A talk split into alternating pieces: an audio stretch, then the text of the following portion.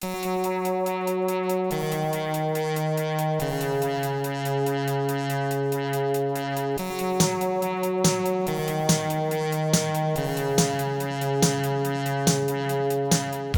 to First Draft with me, Sarah Enni. Today I'm talking to Erin Bowman, author of the Taken trilogy, the final installment of which, Forged, is out April 14th.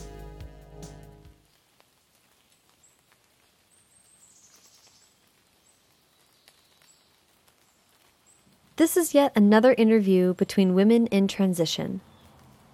I was at the beginning of this summer's podcast road trip when we sat down to record this conversation. Erin had just returned from a trip through the Southwest, researching for her new book, Vengeance Road, due out in September.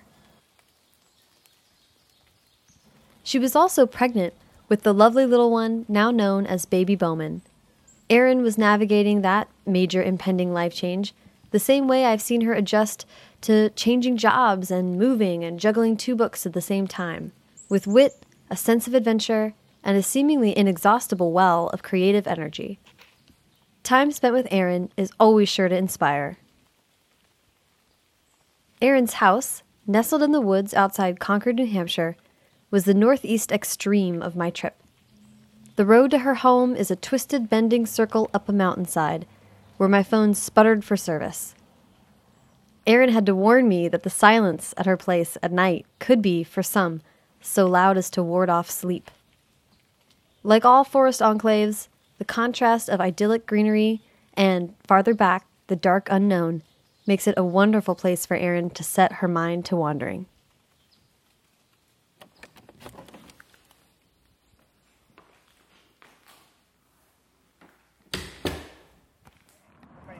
Um, the talk about the store, the bookstore down downtown here. The bookstore. Okay, so Gibson's bookstore has been around, gosh, I'm going to mess it up and forget how many years, but it's been in Concord for a long time. I know that much. And it used to be in a very tiny building, about the third of a size of what they have now.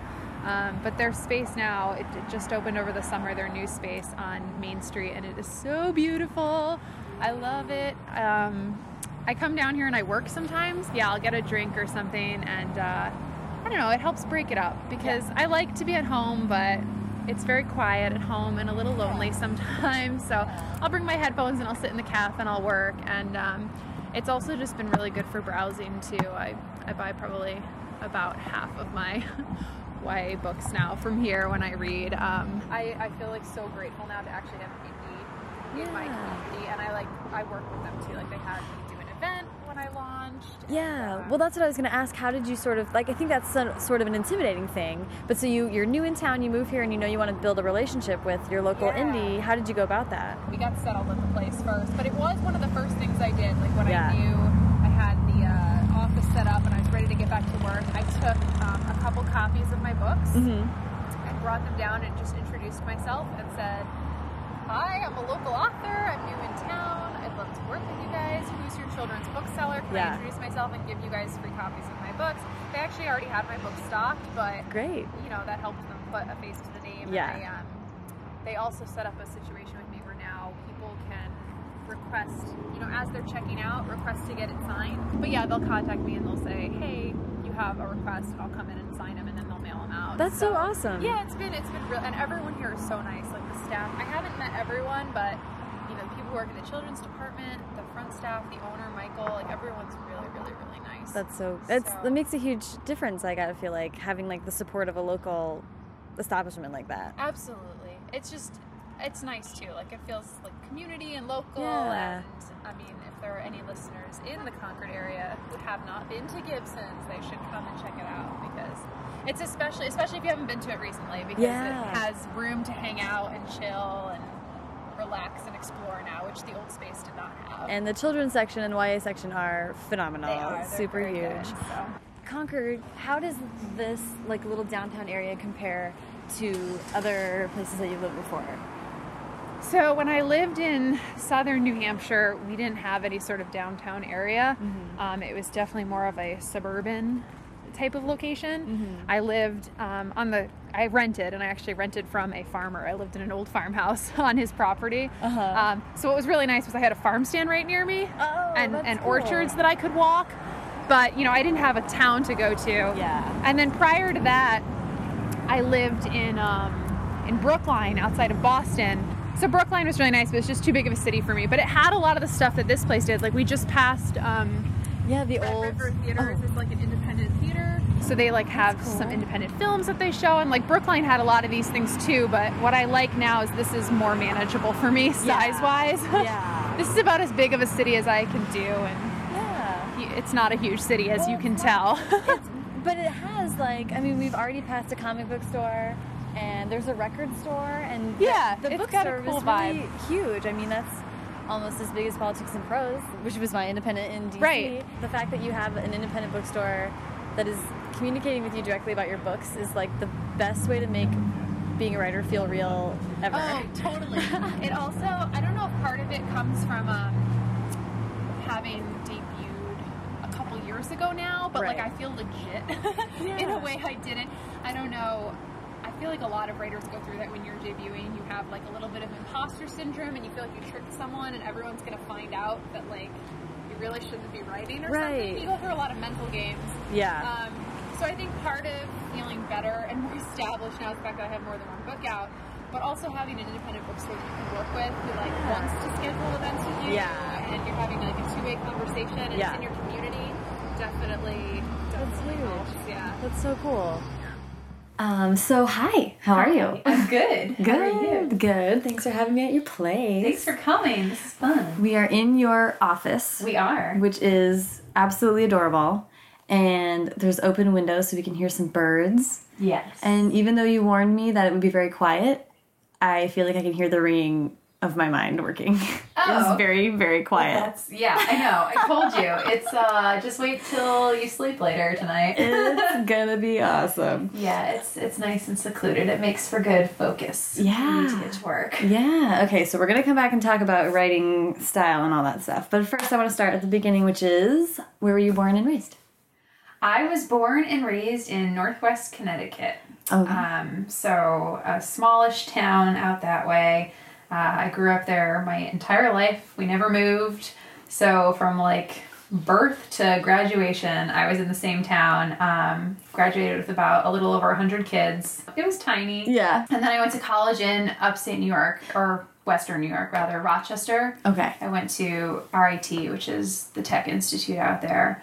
And then after college, moved my way out to Boston, Mm-hmm. where I worked as a web designer for several years. That's what my degree was in. Mm-hmm. I minored in writing, but I, Oh, you did, I did? did. Okay. But you know, it was a tech school, so like their liberal arts programs Yeah. were, you know, not necessarily their forte. So it was more like that was a big passion of mine, so I minored in it. I, I didn't want to give up on writing ever, but you also I wanted something where I'd be able to get a steady paycheck. Yeah, yeah, yeah, At least to start while I pursued the dream. So I was in Boston for several years, and then we eventually, my husband and I moved up to New Hampshire, Mm-hmm. um, which is where we live now, and uh, outside of Concord. And I eventually transitioned into full time writing. Yeah. Which worked out well. And all my web design skills I still apply for my website, and I design my promotional materials and all that stuff. When did you start writing?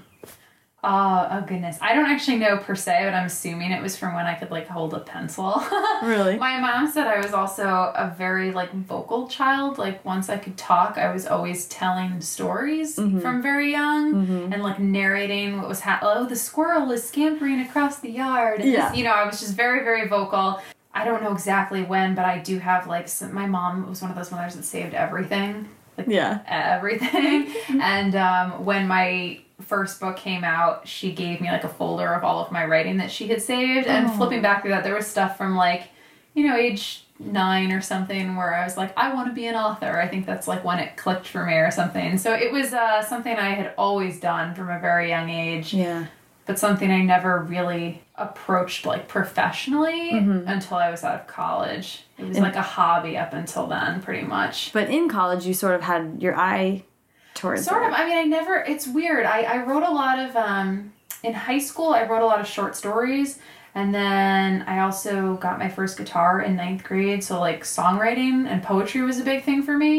And then in college, even it was still mostly poetry and short stories that I was writing.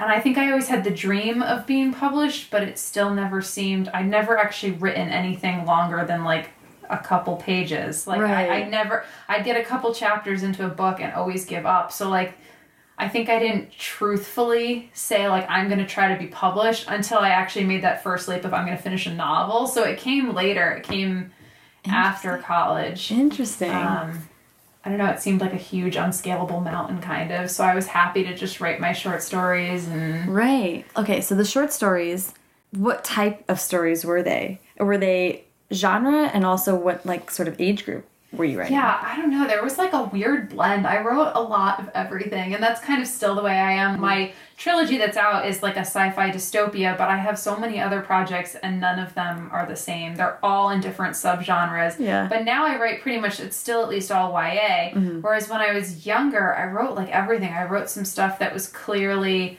YA because it had teen protagonists, but then I also wrote stuff about like middle aged adults. I wrote things that were clearly middle grade novels because it was about like the chosen kid finding the magic world in his backyard. You know what I mean? Like I, Yeah. I wrote across all sorts of different genres, but most of the short stories I was I did things with them at like a local level. Mm-hmm. Like in high school, I submitted them to like contests in the area, and college was sort of the same thing for publication and things on campus or for mm-hmm. contests in the area. And I think naturally the progression, if I had never written a full length novel, might have been to write some more short stories and try to get published in a magazine or something Right.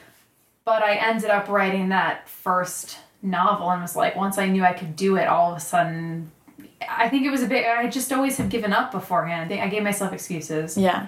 It's not the right story. I need to think about it more. I don't know. Mm-hmm. Or sometimes it was truly a short story and I was trying to make it into, like there wasn't enough content Right. to make a full novel. But once I wrote that first novel, which was not very good and we'll never see the light of day, but you know, once I wrote that first novel, it was like, oh, I can do this. This isn't this isn't so bad. You know, Yeah. it's hard, but it's doable. Right. so then I sort of kept on the novel string, and that prompted me to then be like. Okay, how does one get published? Mm-hmm. Well, I will say my route worked out wonderfully then because RIT was great with like co ops and career prep. Like for my actual major, I came out of that school ready to work professionally in the web design industry, and that sustained me until I wanted to dip my toe into Yeah. publishing. And then I probably started the way a lot of people do by saying, How the heck does this work? And what do I do? And going to Google. Yep, yep. Before we go there, yeah. how did you get the first like idea that led to an actual final novel? And what was it that sort of propelled you to actually get to the end? The first time I wrote like a full complete novel. Yeah. There was a big like catalyst and turning point in my life. I was um, still living in Boston at the time and still working in web design. And again, at this point, it had still been short stories and poetry and novel ideas that I threw away after three chapters. Um, and I actually got laid off of my job. Um, this was in like the like 2009 or 10, 2009, I think, when you know lots of people got laid off their jobs. Yeah. Um, and it was it was like 20% of my company got laid off. Um, and it also coincided with my wedding. It was a month before I got married. Whoa. So I had a lot, you know, emotionally going on in my life. And so I said, okay, well, I'm going to start looking for a new job. I'm not in like a huge, massive rush because I'm getting married in like four weeks, Right. literally. Right. So I started looking and like putting my resume and portfolio back together and then got married, went on my honeymoon, came home, and like when I was like really serious about trying to find a new job, I don't know, there was like this trigger of like, okay, I'm gonna have a new job. I can also be a new writer. I can actually hold my I'm gonna start one. I figured in the time that I'm job searching, I'm gonna have a lot of downtime. I might Yeah. as well start a novel and this time for once I'm not gonna let myself quit.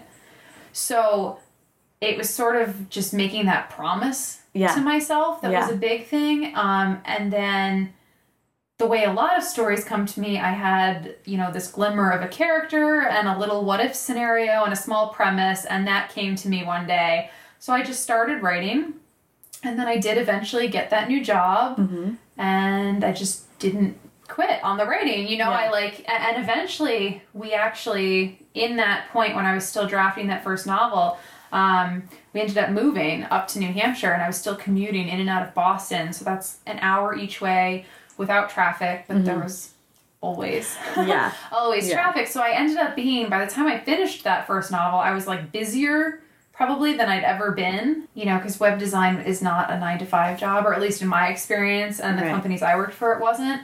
So I was working crazy hours and commuting awful, and I just carved out the time, and it was really just a matter of that drastic shift in my life. It kind Yeah. of like, you know, it pulls the floor out from under Yeah. you, and then I decided like where I was going to stand when Yeah. I found my way again. So, and then I did it, and I finished it, and it's possible. That's huge. Well, it's pretty brave to take a situation like that and dive into something new and a huge challenge, something that you I think I felt really like you think you're in control of your life, and then there are things that are completely out of your control that Yeah. happened, like getting let go. It made me feel like something I thought I had control over, I didn't. So Mm-hmm. I think, in a sense, looking back, maybe saying, Well, I'm actually going to do this this time, it was something I did have control over. Mm-hmm. Like I was the only person who could make it happen or make it fail. Mm-hmm. That's the truth. That's how it had always been. But Yeah. I, I don't know. I just didn't. Well, it It takes was a. It made something click. I guess. Yeah, yeah. I think a lot of people start start doing anything that they're passionate about or that takes that much work when it takes something to sort of jar you out of your everyday life so you can get some momentum going in a different direction, I think. I, I also too this is a slight side tangent, but at my new web design jobs, this was I'd actually finished that novel, but my creative director at that job was the most wonderful, inspiring woman ever. She's still like one of my closest friends. She's wonderful, but she used to buy us books on creativity about once a month. We had like a book club. Oh, She'd buy her design team these books and Wow. the development team too, because we were a very small shop. But one of them that I read, it's this book called Rework, and it's mm-hmm. about startups but a lot of it I think still applies to doing anything creative and creating. And one of the there's there was this section that really stood out to me, and I recognized it in the struggle that I'd been having before, where the two men that write this book they said there is always enough time if you spend it right, and then they essentially said ultimately it might be that your dream actually isn't your priority. Like you think it's your dream, but if you can't find the time, maybe it's not. And that's okay. There are lots of things that people want to do with their life and Right. lots of different ways to fill your time. Right. You know, but if you keep saying, I want to write, for example, a novel Mm-hmm. and then never do, well, then maybe you actually don't really want to write a novel. It seems like you're telling yourself that you don't really want to write a Right. novel. So like this, and I had read this was in hindsight. You know, I read it after Yeah. I finished that first novel, and I was in the process of writing something else. But I recognized like that's what it had been for me. I think I wanted to write a novel, air Right. quotes, Right. but I didn't really want to until I made that mental switch of Yeah. yes, this actually is a priority. I'm going to find the time, and the time was carved out in like little half hour and hour snippets, like Yeah. in the evenings and on the weekends. Yeah. And that's all you need. Eventually, if you don't quit, you will reach the end. Right. But yeah, so that was kind of I you know read that after and was like, oh yeah, you're totally right. It's always affirming, even if you've already taken that step to read something by creative people or hear interviews with creative people and here's someone and you're like, oh yeah, we're not in this alone. That's my favorite. I read so many books on like craft and creativity. You know, some of my favorites are ones where like the person didn't even say anything that I didn't know already, Yeah. but it was so nice to hear them say it in such simple terms, and you're just like nodding the whole time you read it. You're like, yeah, Yeah. that is what it's like. Yeah, yeah. that is okay. I'm not alone. yeah, yeah, yeah. You feel this kinship that doesn't get old, really. yeah. So you so you write this first book, it gets to the end, you have a little party. You're still not thinking seriously about publishing, or you just go into the next idea? Well, that one I finished it. I finished it, and I was like, "Wow, this is an awful mess." It was one of those ah. things where, like, you know, it was good to finish it because I learned a ton in the process Yeah. of doing it. But I knew Yeah. I, I had taken at least enough writing classes in high school and college to know that like your first draft is not ever Yeah. something worthy of being seen in a published type of format. I don't think I'll ever revisit that story because that story was confused. I don't even I don't know if it's young adult or adult. I don't Mm. know. Like it's one of those weird right. because I didn't really know what I was doing. Yeah. Like I said, it was a learning experience. But in the process of revising it, I actually got the idea for Taken. But I ditched that first novel because I couldn't get Gray's voice, Gray's the protagonist, out of my head. And that was something I told myself I wasn't gonna do. I was like, you're gonna start writing a novel and finish it. Then I was like, you're gonna revise this novel and you're gonna finish revising Oh, it. yeah. Well, I broke that promise to myself, but I'm glad I did. Yeah. It was, and that's I think often a hard thing for a lot of writers. You get the new shiny idea Yeah. that is so exciting because it's new, you know, and it has all this promise. Mm-hmm. Um, and it seems so interesting and Right. it's not dry and worn and full of issues and plot holes like whatever you're working on. Yeah. So sometimes it's hard to know if you should move to it or not. So with with Taken, I was like, well, fine, I'll write like I'll write a chapter. Mm-hmm. And and once I got going, I was like, okay, I really really want to write this It's really book. So I yeah, I, I knew I had something, some sort of spark of creativity that I should follow. So I did, and that ended up being a very good decision. Yeah. So so then you're sort of already writing like for serious, and do you get to the end of Taken before you start looking into publishing? Yeah, so I got to the end of Taken, revised it a bit on my own, and then I was like, hmm, I wonder if this is any good. Yeah. so I sent it to my mom and my sister. And for background, my sister is a huge reader, and my mom is a teacher and a librarian. So she like reads a ton of all genres, YA and everything. yeah. I knew I at least had a YA book on my hands at that point. Um, so I sent it to them, and they both really liked it. And then I was like, wait a minute. You're my mom and my sister. you wanted that outside Yeah. feedback. So at that point, around that time, that's when I started sort of looking into I was looking into critique partners and how you find one and publishing sort of at the same time. Yeah. And so that was sort of when Google and the internet helped me, a- excuse me, a lot. And I found um, my first critique partner actually through an agent's blog. Oh. She was doing like a um, critique partner connection thing where she pretty much was turning the comments of her blog over and saying, write your one line pitch, write what sort of critique you need, and try to meet each other. Yeah. Yeah. Yeah. So I found someone through that, and after that person said, you know, this isn't perfect. Here's what you know I think you can improve. But like, I really liked this. I really enjoyed it. I had a lot of fun. I think you should try to do something with it. yeah. It was like I needed to hear that from someone who could have hurt my feelings, had no Right. reason to be nice to me. Right. Um, and then I really, really, really started digging into like, how do you, how do you get published? Right. How do you do this? Because I have no clue. Do you remember what the first websites were that you found? yeah, I remember the very first that stuck with me was Kristin Nelson's blog. Just she had so much um, useful information in um, blog post format and Yeah. like digging back through that. So Yeah. I'm sure there were tons of others, but I remember that one being the first one that sort of I could actually sort of see how the industry worked a little Yeah. bit through her posts. That's really what it was. It was it was blogs. It was people's blogs less than it was reading like articles and stuff. Oh yeah. It was all agents and then eventually like other writers. Yeah. I feel like it's been a constant learning process. I'm still learning. Oh, yeah. I have not stopped learning about how publishing works since I started back in 2010 Yeah. or whenever that well, was. Well, it's also always changing now. So too. half of it is like, let's read about how publishing is going to be totally different today. Like, oh my gosh. You can kind of drive yourself crazy. Sometimes I'm like, it'll be okay. I don't need to stay. I can check next week. I don't need to check every single day. It can be Yeah. overwhelming all the news. Oh my god, yes. And like upsetting generally. That too. um, I remember the first website I found was Nathan Bransford's. Oh, he was in one of my early ones too. Yeah. Yep, yep. I That's a very useful website as well. So useful, and that bright orange. I was just like, With the typewriter in the corner. typewriter, and Yep. it's so it's so like neatly set up. It was very. I was like, okay, I think this guy knows what he's talking about. He I know that was always hard too. Like I remember my dad the first time when I was talking about like, well, I want to try to get agents first. He's like, well, do you really need an agent? Like, what do they do? Are you sure it's a legit person? Right. You know, all these, and you hear every writer has Yeah. these stories, and it's all like well-meaning, like they're concerned for you, Right. but. It really is this industry that unless people, unless you're in it, people have no clue how it operates, and so much of it does sound bizarre. Yeah. Like, like what do you mean they only pay you like twice a year? And you Yeah. you know, Yeah, yeah. What, what do you mean that's how it works? That you should get your money up front. Yeah, well, I wish. Yeah. that's not how it works, dude. right, right, right. Yeah. yeah, it's all well-meaning where that stuff comes from, but it's usually from someone who has no clue how the industry works. Right. Right. Which is most people, like you're saying. most people. Yeah.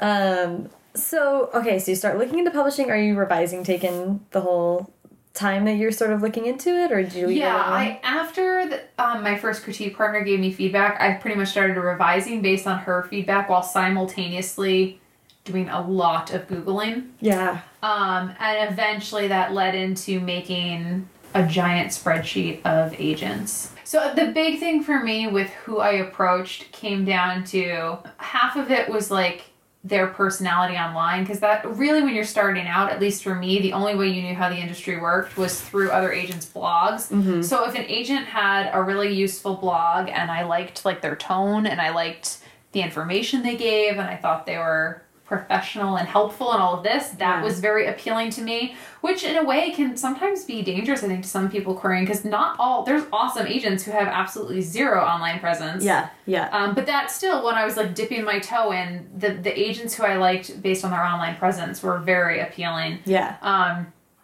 and then the second side of it was uh, people who I thought were a match for my book. So that's how I made that list. And then in the end, like how I chose who to go with, I actually had multiple offers, and that was like a wonderful thing, but also a very stressful thing because Yeah. you don't. I just had to trust my gut at that Yeah. point. I think I probably would have been fine Mm-hmm. in any. I had I had four offers, and everyone was very nice and wonderful and lovely.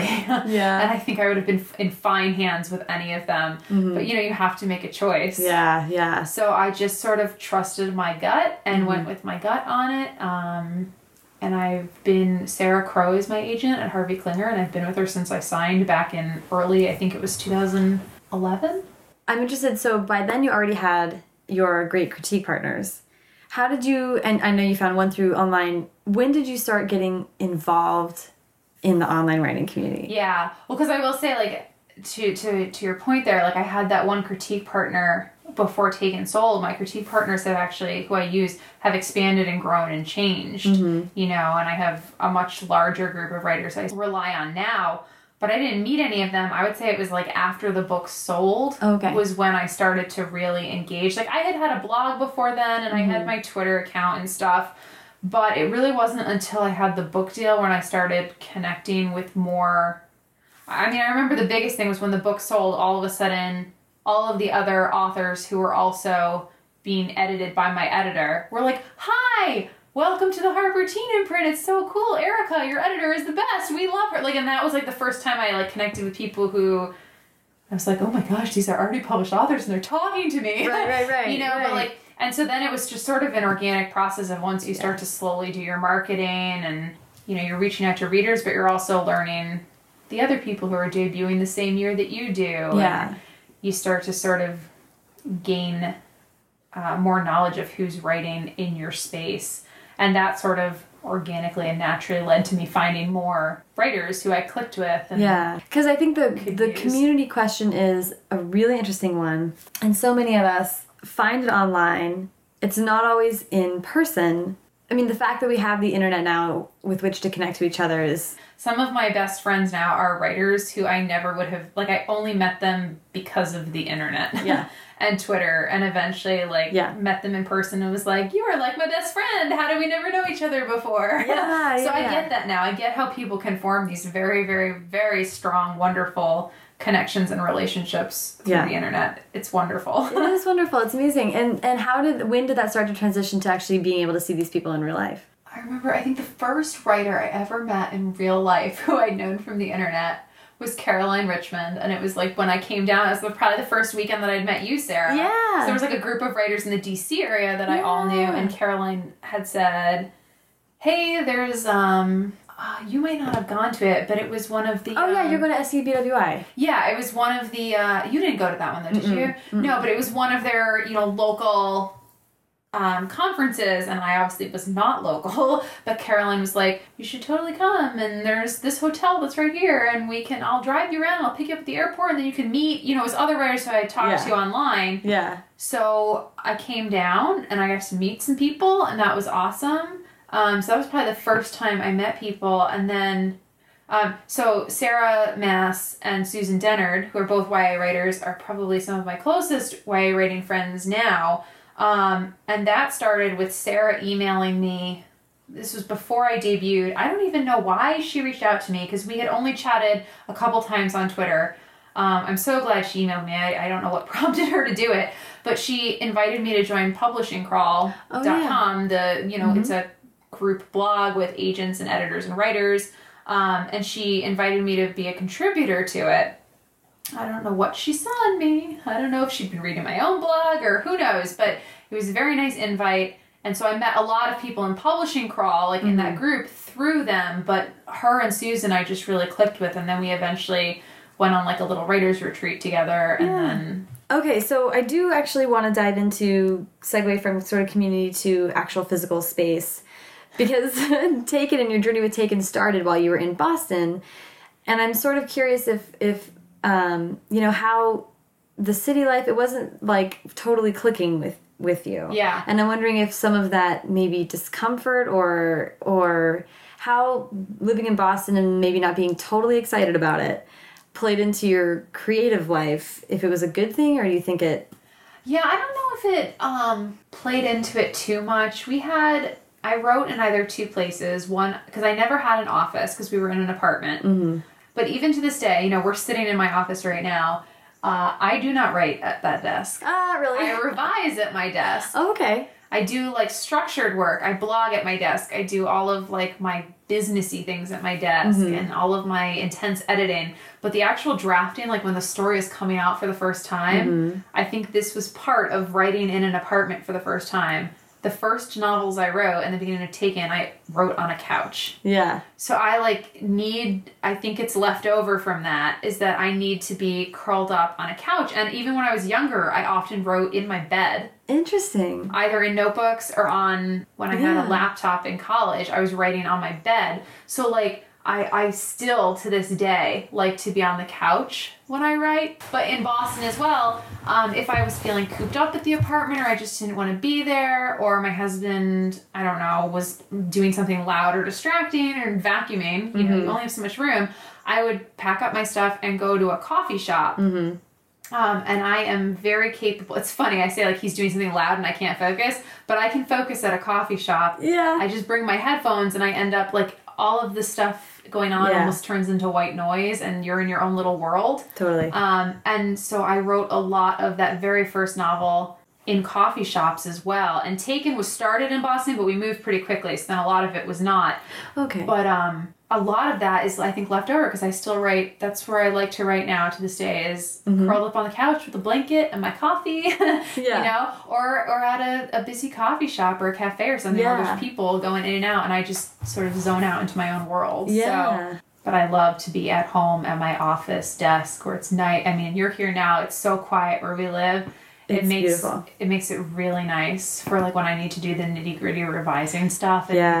to like think and not have distractions. and you have to get so deep when you're revising you have to really let like it a mental soak in. exercise. It is. It is. I think yeah, your brain grows and flexes. Um, what's funny is that I'm not saying that you didn't like Boston. I'm sure that you, there was tons of stuff that you liked about the There city. was things I liked, but I also didn't. I'm just not a city person. It was Right. not where I wanted to live. So Right. you're not offending me if you say I don't like Boston. um, and Taken is sort of an escape book.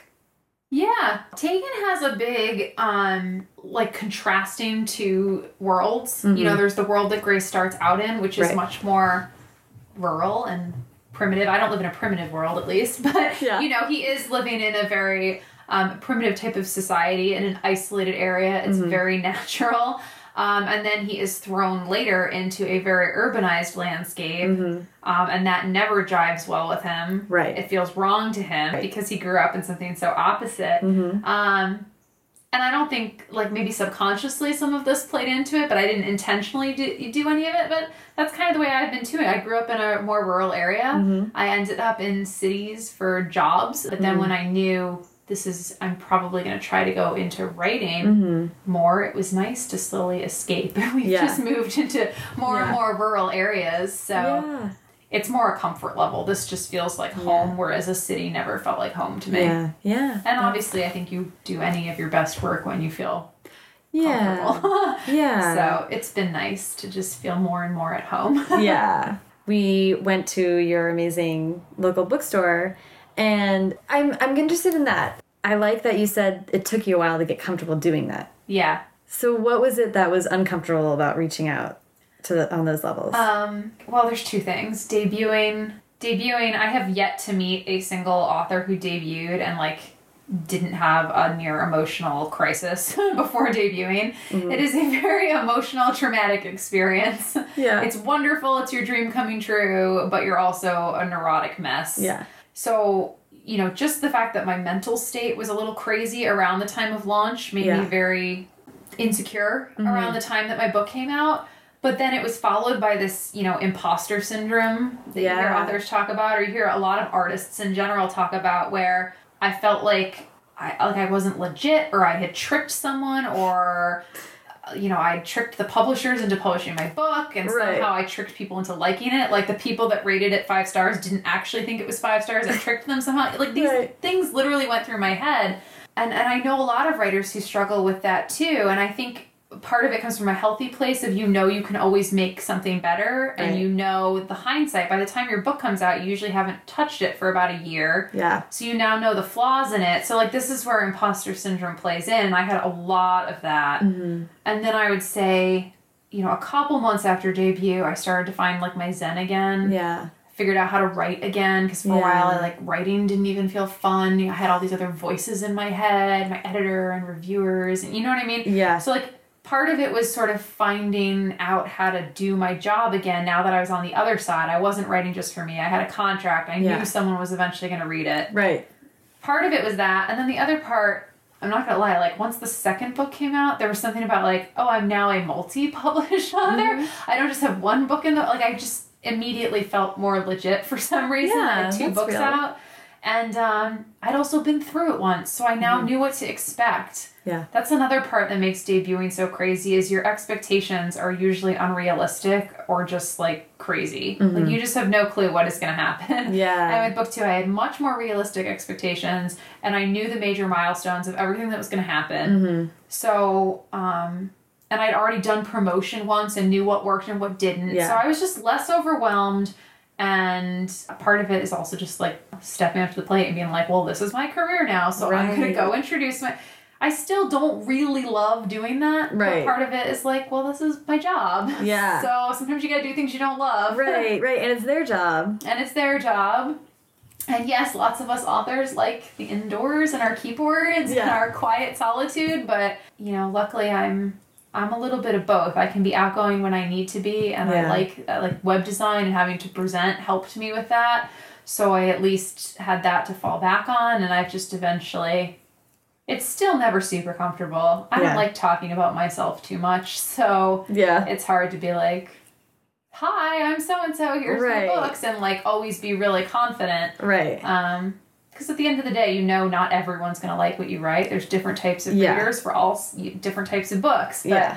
a lot of it was having a second book in the world, and then a lot of it was just being like, "Well, this is part of your job that you need to do. Mm-hmm. You might not like it right now, but it will pay off in the long run." Right. So, right. Yeah. Yeah. yeah, yeah. now it's and now it's done, and I'm friends with a lot of the people at the bookstore, and it's not Yeah. awkward anymore. I can just walk in and we say hi, and you say what's up. That is awesome. But I do want to talk about how you use you're still using web design as that part of your marketing and continuing efforts like that.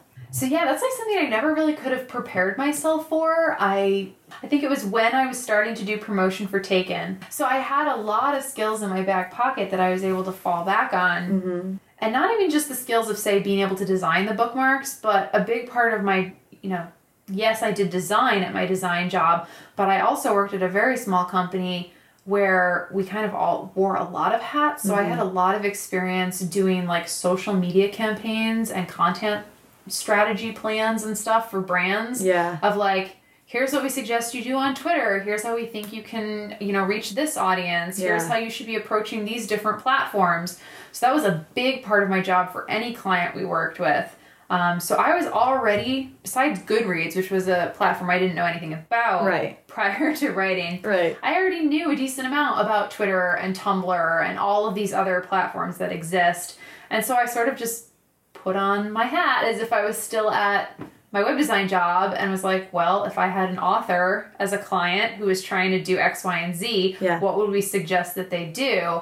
And that's sort of how I started to approach things. And I mean, for me at least, I still find. I, I think social media is fun. I know some Yeah. writers who hate it. Yeah. And the big advice I always give people is to only do what you like. If you love Twitter and don't understand Tumblr, then do Twitter and don't do Tumblr. Like Right. you don't need to be everywhere because you will be exhausted if you do it all anyway. Right. And as soon as it starts feeling like work, well then you're gonna resent having to do it all the Yeah. time. Yeah. You know, and and everyone would much rather have another book from you Right. as an author than like more Tumblr posts. At least I would for the authors I love. Oh yeah, yeah, yeah. Um, but for me at least, I've I love a lot of those outlets, so I've just tried to do you know different things on each, and I've watched what was successful and what hasn't been, um, and some of it I have no explanation for. Like, I've started to get a very large following on. Not very large, it, larger than I expected on Instagram. Oh, yeah. Which Instagram I usually just posted pretty pictures of things, but Right. like and people like those. But when I snap a picture of when my swag when it arrives or Mm-hmm. like my arcs, like those things everyone freaks out. So I'm like, okay, well, Instagram, I guess, might be a really good platform for me to reveal Right. snippets of, hey, here's what's coming up, or here's Right. what I got. So I've like sort of just changed my strategy based on what's been working and what hasn't. But I like to use Twitter for like giveaways and stuff. I still have my blog. And then the actual design skills have been really, really, really wonderful because I'm able. My website I take care of on my own. My bookmarks, that's one of like my go-to things that I think I've always said like if you're an author and you only do one type of promotional swag, like do a bookmark because it mm-hmm. has all the information of a business Yeah. card, but your readers are actually going to use it and they're mm-hmm. awesome for pre-book promotion and then afterward I leave them at libraries, I leave them at bookstores. But I was able to design all of those, and I also do postcards when I was talking about connecting with local people. Before a book comes out, I send postcards out to libraries and bookstores within a one hour radius of me, essentially, and say, hey, my book's coming out. I hope you'll consider adding it to your shelves. Yeah, yeah. Um, and I'm available for library visits if it's a library. So I've like connected with libraries that way too. But it's it's it's just I'm really grateful that I have all those skills and can still apply them because I know a lot of writers have to hire people to do a lot of these Yeah. things. Yeah, yeah, yeah. I think you're right that a lot of people are like, well, I need to have a Tumblr, I need to be on Instagram, I need to do this. that, Then you end up spending so much time getting comfortable with or being frustrated with a new medium that it doesn't do anybody any good and it doesn't help. No, and like a big thing too with any social media and getting a following and a fan base is consistency. And I think that's why my Instagram account has been successful is mm-hmm. because I don't post every day, but I usually have one new post a week and it's mm-hmm. pretty consistent and there's always something happening.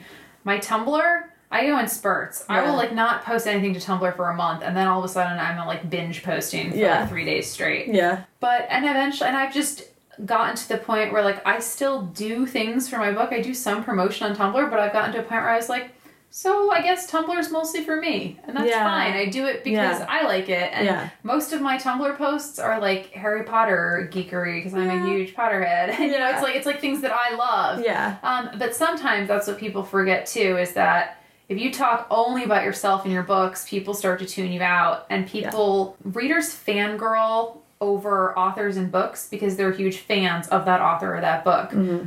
So it's very it makes an author feel human, I think, or any type of person Yeah. when they fangirl over what they love. So when I freak out about Harry Potter or I don't know, whatever else, Firefly or whatever else I'm freaking out about on Tumblr, other people who also love that are like, oh my gosh. You know, especially if you're like, I don't know, a teen who can't believe you're connecting with an author online, because that would have been me at like 13. Oh my gosh, yeah. And then you're like, oh my gosh, she loves what I love. That's so cool. And like, there's a level of, I think that's why the internet is good for connections. Because, you know, if all I did was talk about my book nonstop, that's great for the people who already love my book. But Right. I, I know I have gained followers through like people who also love Harry Potter. Yeah. Who meet me because we both love Harry Potter. And then it's like, oh, you also have a book? That's neat. Yeah, yeah, yeah. So- yeah. I was talking about this with um, Rachel Fershleiser, who is the Tumblr's book. She's like the Tumblr book attaché. She was talking about how if you don't have a platform necessarily ready to go, you have what you like. And Yes, people your will trust. Yeah, people will say, you know, she was like, if you write feminist suspense novels and yours is coming out, but you know, I don't know you, but if you talk all the time about how you love Gillian Flynn and Tana French and you reblog things about them and talk about how you're reading them and you're enjoying them, then people get where you're coming from Yeah. and will will know what to expect a little bit more. And that just is helpful and it creates a little community and it's like that's the point of the internet. Yeah, and that's where the connections happen. Yeah. Absolutely. Um, I've always said, I, I said this about Twitter once in an interview, but I think it applies to a lot of different places. I said once that, like, Twitter is a party, not a podium. Yeah. Sometimes you're on your soapbox Yeah. and talking about yourself, but, like, the real point of any of those platforms and any of those networks is to connect with other people, and you do that by, like, celebrating what you love, and celebrating and finding other people who celebrate that same thing Mm-hmm. and that's where the connections come from. So that's sort of a big thing that started for me back when I was in web design, even when we talked about a big mantra there was content is king. You want to share either really interesting stuff that no one else knows Mm-hmm. or things that this is the web design part the consumer is Yeah. going to care about and like and that's where when you come to the author side of it it's things that you know your readers are also gonna love and geek out with you about and that's Yeah. really where some of the good connections come from and then when you have to talk about yourself it's not like oh there's Erin again talking about her book again Right. um, and I still feel like I do it too much. I've said like every time I like anytime you self promote, you're like creating a Horcrux or something. It's I, know I know a lot of authors feel that way. I'm getting better at it with time. yeah. It's like a necessary evil. Like you have to talk about your book, but you do sometimes feel like you're like, look at me, look at me. Yeah, yeah, yeah, yeah. it's a balance. It is. It's tough. It's really tough. But then I think also you have to keep in mind how you feel when you see other writers do it. And if it's someone that has a good balance in there. When other authors tweet about their books, I'm just like, oh, like I don't think, oh gosh, I can't Yeah. believe that they're talking about How dare exactly. they speak about their No. own work? So, but for some reason, it's always harder to think about yourself in that light. Yeah, I think though, it, I mean, it's good to have that as a counterbalance to make sure that you aren't going overboard. It's good to always be questioning, like, you know, am I being a human being on Twitter or am I being a bot for my own book? Like, Yes, like, and that's it's always the hardest around a launch. Yeah. because that's when you have to do the most promotion. But Oh, that's yeah. always where I like go into that like crippling vortex of doubt of like, oh my god, I'm one of those annoying people because Yeah. I've only talked about my book for the last two weeks, but. Everyone, and I have again, you have to put yourself in the other person's shoes. When I see an author tweeting nonstop about their book and it comes out within three days, I'm like, oh, they're in that wave of self promo. They're Yeah. talking about their book this week. That's just Yep. what's gonna happen. that's how it is. That's where we're at. It's all good. yeah. Um, yeah, totally. Web design and and structure, um, and having an aesthetic. Do you think that that all played into your creative, the writing um, creativity? The aesthetic, not as much. Maybe into my office and the space I wanted to Which is to work lovely. in. Lovely. Um, no, but I would say one thing I heard from people a lot, like when they found out I was a web designer and then I went to writing, they'd say like, "Oh my gosh, but those are so different. How on earth did you design and then like go into a land that was all words Right, and right, no right. design? I mean, because the only design involved in the book is my jackets and page layout, which I have nothing to do with. Mm-hmm, um, so people like, those are so different. And I started to really reflect on that because I've been hearing it a lot and realized, like, I at least personally don't think they're that different because my creative philosophy, like how I actually approach the act of creating, mm-hmm. is very much the same in the sense that first creation, your first draft, whatever you want to call it, is Yeah. never the best. Like, Yeah. never did I design a website right on the first try ever. Right. There was always critique and rounds Yeah. and polishing and sometimes you threw things out and you mm-hmm. restarted and you hacked it together you know and and the same sort of spiral that all writers i know go through this and i went through this in design too where you start and you're like this is the best thing in the world this is the Yeah. best idea ever and then all of a sudden you notice its flaws and you're like sobbing Yeah. and then you're like oh actually i think i can fix this and then all of a sudden it's the best idea ever again and you go in this circle like Yeah. that was something I experienced and started out with in design, and this still happens to me now. The same with how some days I would sit at my computer in Photoshop trying to get, you know, I had like maybe six pages I had to design one day, and I would hmm. work all day and get like nothing done. I just like moved text around all day. Yeah. And made some changes and scrapped it, and made more and scrapped it. And that happens with writing. There are days where I spend four hours writing one paragraph and it's not even a good paragraph. Yeah. And then there are the days where all of a sudden with web design, everything was smooth and wonderful. Yeah, yeah. you know, and I got a ton of work done.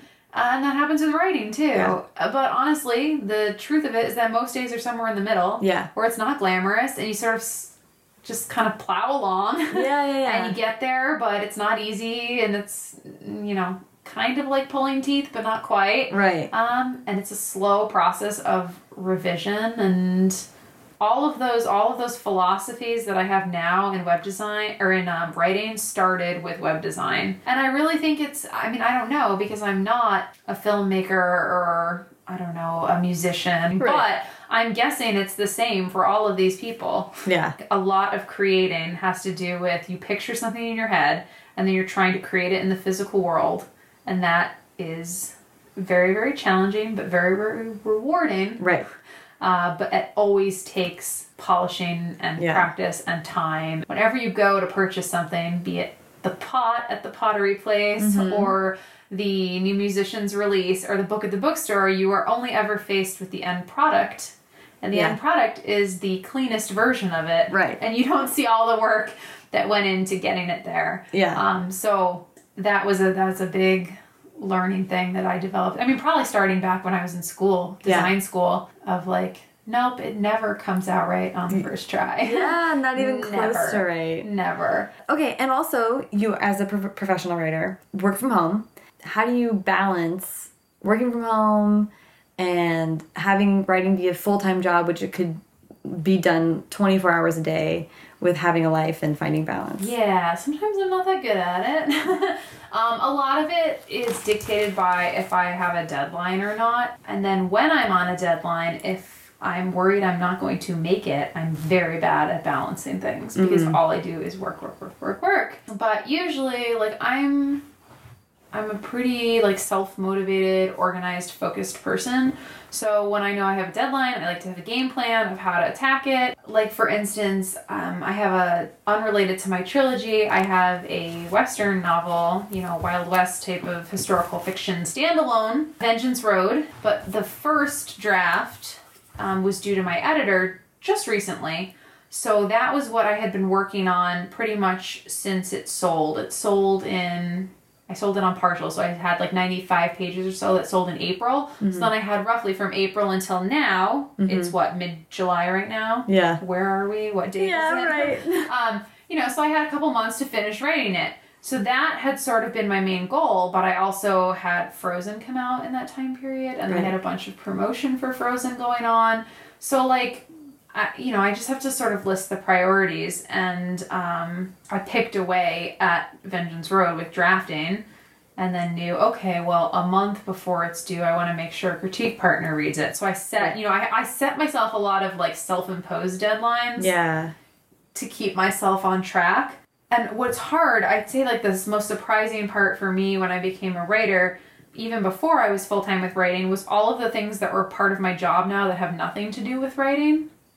All of the business sides of it, all Yeah. the emails and the blogging and the promotion and like the financial stuff and my Yeah. taxes. Oh my god. we won't even talk about that. But like so I have all of these other things too that I'm learning how to structure in. Yeah. Um, but deadlines in a way can be stressful, but they make it easy because I have a very clear end goal and a priority. Right. Like now, the deadline is behind me and I'm waiting. You know, Forged is pretty much done. Harper is working on getting it all packaged and pretty so it can go into the world. And I'm now waiting for feedback on Vengeance Road. So I'm sort of in La La Land, which is lovely. Um, but I'm also a workaholic. So like I'm forcing myself to take a little time off, but then I know I already know I'm making myself deadlines of like the next project I want to work on or what I want to do next and I need to update X, Y, and Z pages on my blog. Yeah. I need to start designing bookmarks for Forged because Right. that's the next book I'm going to promote. So I, I pretty much keep like a running list of Yeah. here's my giant to-do list. Yeah. That's what's so hard. Like I'm happiest when I'm writing, so Yeah. sometimes it's hard to take time off.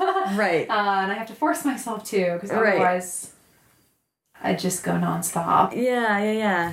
A couple more questions. First one is I kind of want to talk about the Harry Potter reread. Yeah. Cause Oh, that was so much fun. that was because I think I'm gonna do it. Are and you? I have not done it. I have a dream that I will buy the new set that has the the that has spines that align. because they're so pretty. Paperbacks. Yeah. I'm so excited. I want to get that new set and then like crack it open and have a reread with this fresh set. Um, so how did you decide to do this? It, well, first of all, let's set it up. Yeah. So What was the project? Yeah, the project.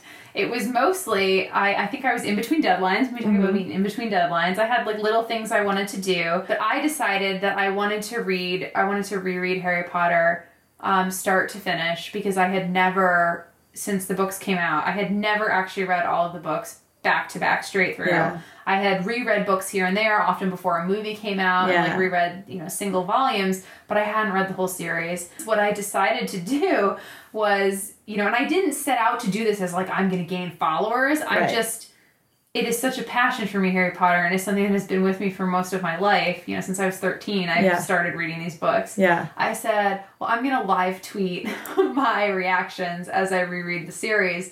So I made up a hashtag, which was, what did I do? HP Always, I think I used. Yeah, yeah. Um, and I started with book one, and I just sort of tweeted my reactions as I went. Oh my god, it was. You need to reread them first of all because Yeah. it, it was so magical because I felt like I was, you know, it, it was one. It was another last for me. It was like the uh, it was the last time I would ever read the books straight through. Yeah. You know what I mean? So it felt kind of emotional in that sense for the Yeah. first time. Like I'll never get to read them straight through again Yeah. the first time ever. That's behind me now.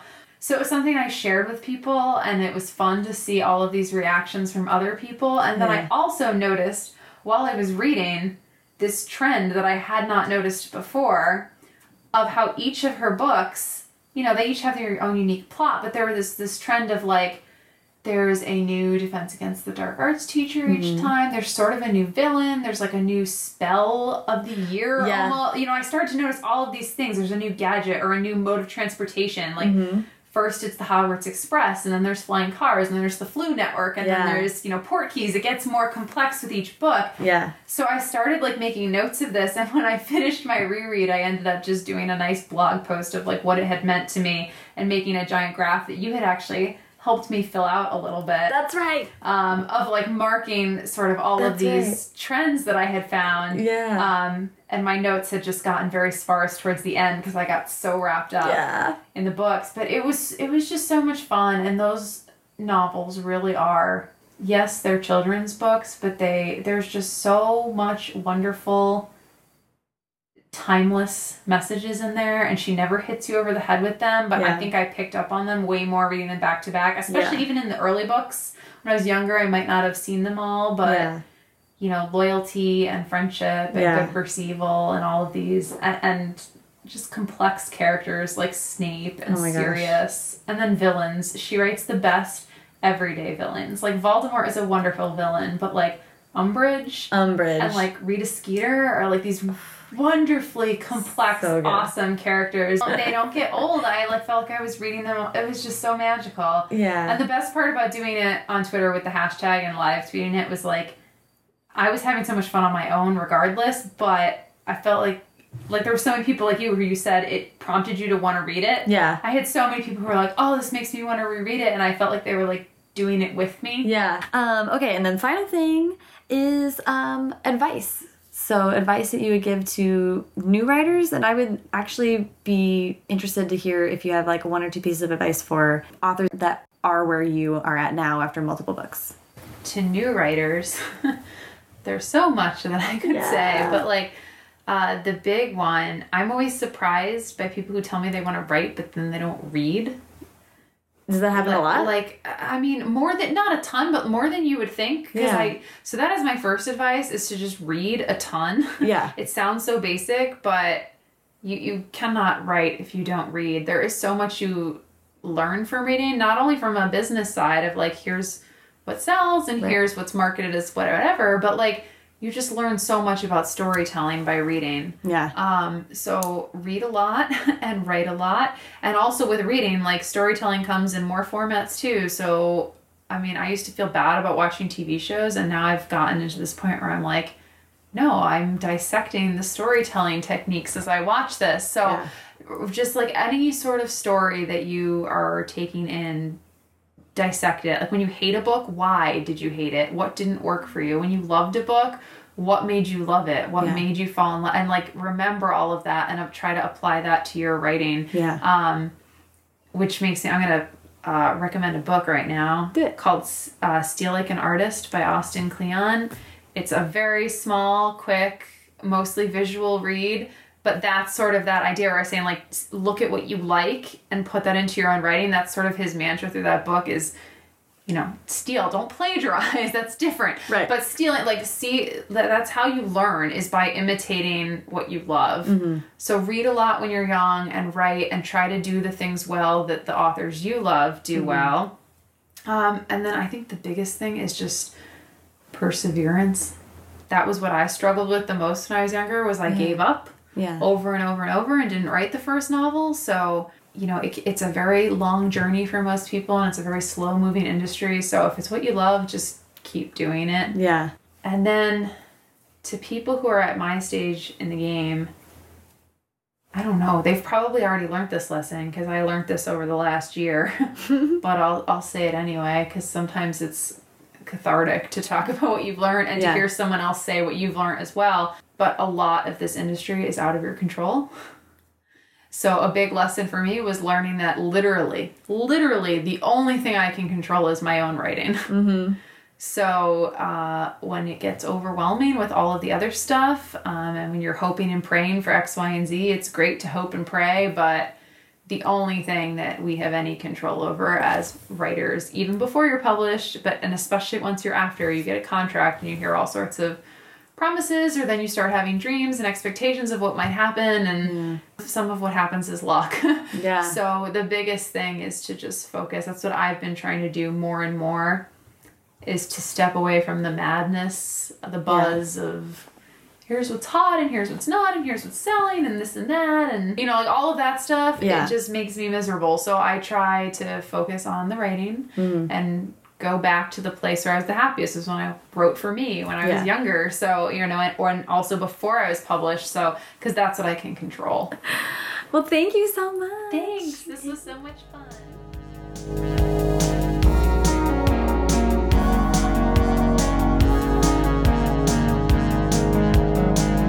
Thank you so much to Erin.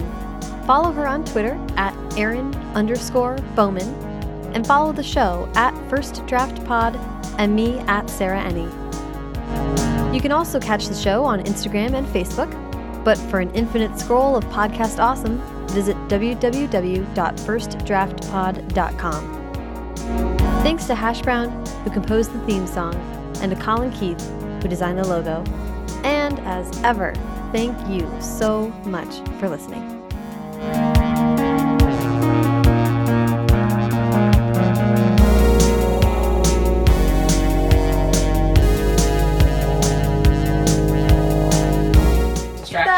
Exists true. no matter where you are. That's true. I procrastinated on Twitter when we were in Boston, and I still procrastinate on Twitter now.